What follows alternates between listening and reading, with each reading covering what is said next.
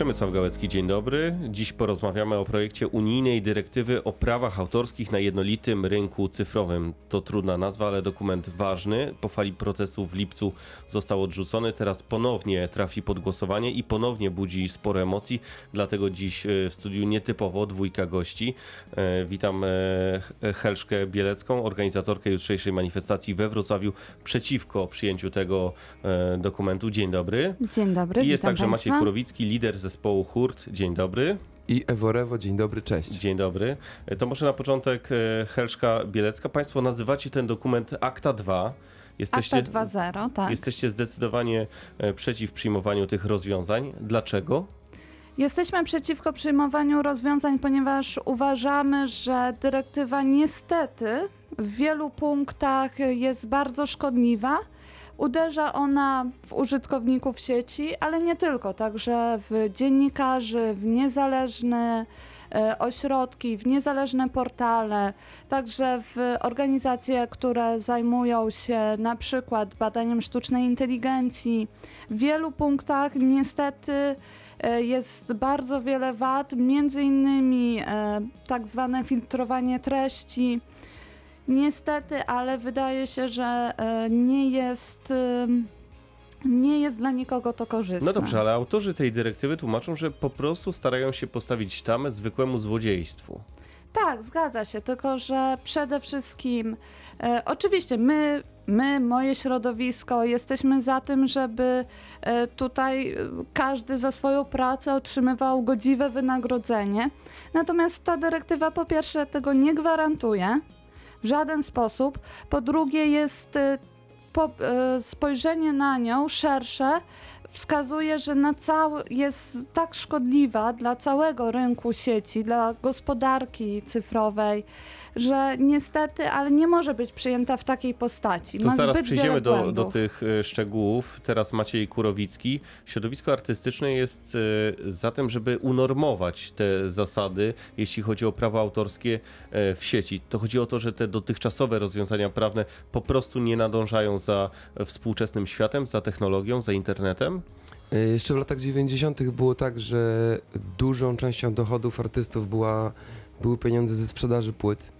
W tej chwili te płyty podają się w ilościach śladowych, poza nie wiem, kilkoma wykonawcami, którzy zazwyczaj docierają do bardzo y, zaawansowanych wieku odbiorców, którzy nie potrafią korzystać z internetu. E, sytuacja jest taka, że z jednej strony dzięki streamingowi to wszystko zostało zalegalizowane, ale z drugiej strony to tu myślę, że nie, e, mogę się wręcz zgodzić, że te, te, te normy w ogóle nie, nie fun- znaczy te nowe rozwiązania w ogóle nie funkcjonują w, e, dobrze w wypadku setek czy tysięcy artystów, ponieważ tantiemy, które wynikają z e, obecności na legalnych platformach i tak dalej, to są grosze albo kilkanaście złotych, kilkadziesiąt złotych za dziesiątki tysięcy odtworzeń. Tymczasem wielkie korporacje, które najprawdopodobniej nawet na pewno lobbują za ustawami, które mają niby chronić artystów i regulować rynek, nie dbają o artystów, tylko dbają o swoje interesy i Czyli myślę, Państwo wprost czujecie się okradani. że, nie, Że to- Państwa muzyka jest wykorzystywana No, w różnej mogę- formie i mogę odtwarzana no- na no tak, różnych mogę- nośnikach. Znaczy ja nie, staram się nie używać takiego radykalnego języka, ale e, pewnie masz rację. E, To teraz przejdźmy do tego tajemniczego artykułu 13. On Mhm. nakłada e, obowiązek e, tak zwanego filtrowania treści chronionych prawem autorskim, czyli wrzucanej do sieci muzyki, filmów itd. itd. Dlaczego Państwa zdaniem to jest tak niebezpieczny punkt? Mm, Przede wszystkim no, może służyć przykładowo inżynierii społecznej, Co to dzia- znaczy? działaniom, działaniom politycznym. Jest to obowiązek, który nakłada odpowiedzialność za właścicieli platform za udostępniane treści. Czyli mówiąc wprost, właściciele platform wprowadzić- musieliby sprawdzać, czy ktoś ma prawa autorskie, czy nie do danej treści, na przykład. Tak, ale poprzez wprowadzenie specjalnych filtrów nie ma takiej możliwości, żeby one działały doskonale, czyli na przykład nie wyrzucały treści, e, które są legalne. Do, do tego stopnia, że nawet artysta może, e, może się okazać, że jego e, nie ma praw do swoich tekstów. No dobrze, a teraz tutaj, zapytam e, Macieja Kurowickiego, pewnie pan by chciał, żeby to portale ponosiło odpowiedzialność za to, czy ktoś legalnie, czy nielegalnie publikuje tam pana utwór. Nie, nie, ja nie, nie chciałbym, żeby portale zajmowały się śledztwami, czy jakaś treść jest legalna, czy nie, tylko żeby były takie uregulowania prawne, które umożliwiłyby swobodne funkcjonowanie, bo rzeczywiście nie, no nie może być tak, że ja zakładam stronę internetową, na którą publikuję nagrania własne czy innych zespołów i muszę przeprowadzić śledztwo, czy one są legalne, czy nie. To musi być uregulowane inaczej niż poprzez y, tępe zakazy. Jakby. Ja uważam na przykład, że tutaj najważniejsze jest to, żeby e, zwrócić uwagę, że ta dyrektywa nie odnosi się do muzyków e, czy do artystów tylko. To jest dużo szerszy kontekst, dlatego mm, jakby rozumiem tutaj stanowisko mm, szczególnie muzyków, bo tutaj możemy też nawiązać do tej słynnej już listy tych około tam 50 muzyków, którzy podpisali petycję do Do europosłów. europarlamentarzystów. Tak, tak, tak, żeby oni się zgodzili na dyrektywę, tylko sprawa jest o wiele szersza i trzeba mieć świadomość tego, że oni, że można sobie samemu zaszkodzić w ten sposób, ponieważ to nie jest prawo, które ma chronić muzyków. To Ta teraz krótki cytat. szersza, Chciałbym, żeby tak? pani do tego się odniosła. Bogusław Hrabota, redaktor naczelny Rzeczpospolitej, mówi tak. Dobra niemateria- niematerialne mają dokładnie taką samą wartość jak materialne.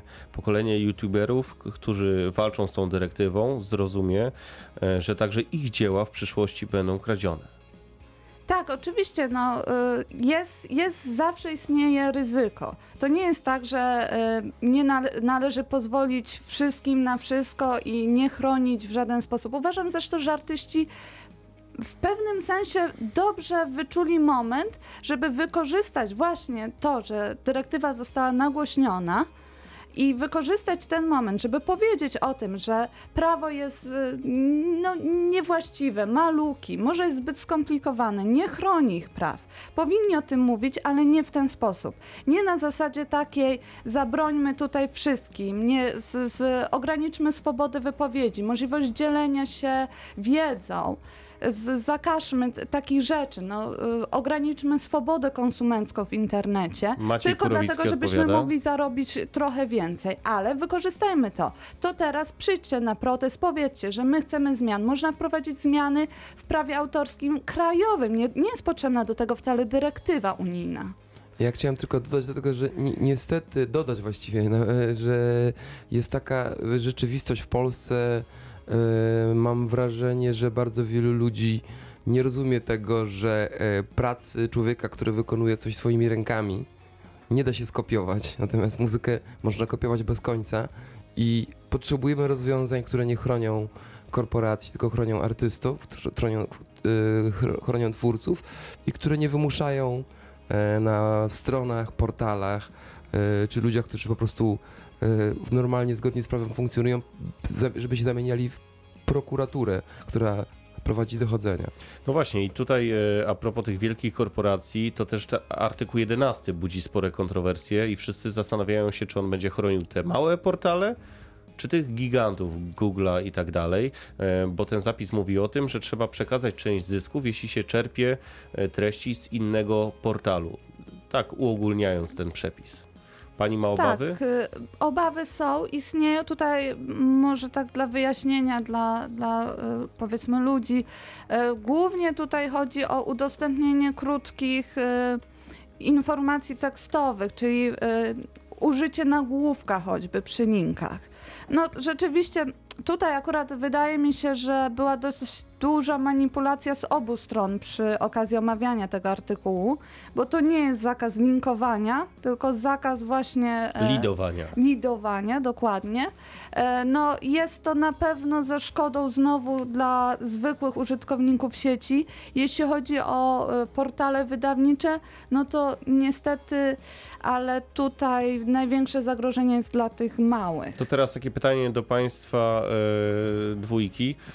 Może po prostu największym problemem jest to, w jaki sposób e, przeprowadzono konsultacje, w jaki sposób informowano internautów, e, mieszkańców Unii Europejskiej, bo to nasze wewnętrzne przepisy, przynajmniej na razie. I stąd jest tak wiele tych obaw i niedomówień.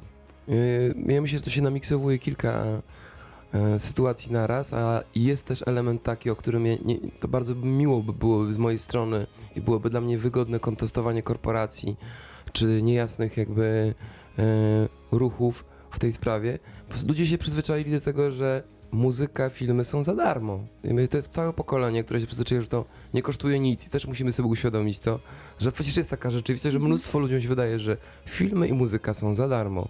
I e, to musi się zmienić i to część ludzi, którzy protestują, nawet e, myślę, że zgadzając się z olbrzymią częścią e, oporu przeciwko tej, przeciwko tej, tej sytuacji, protestuje dlatego, że chce utrzymania sytuacji, w której- wszystko będzie za darmo i to też nie może tak być. To też musi się zmienić na pewno.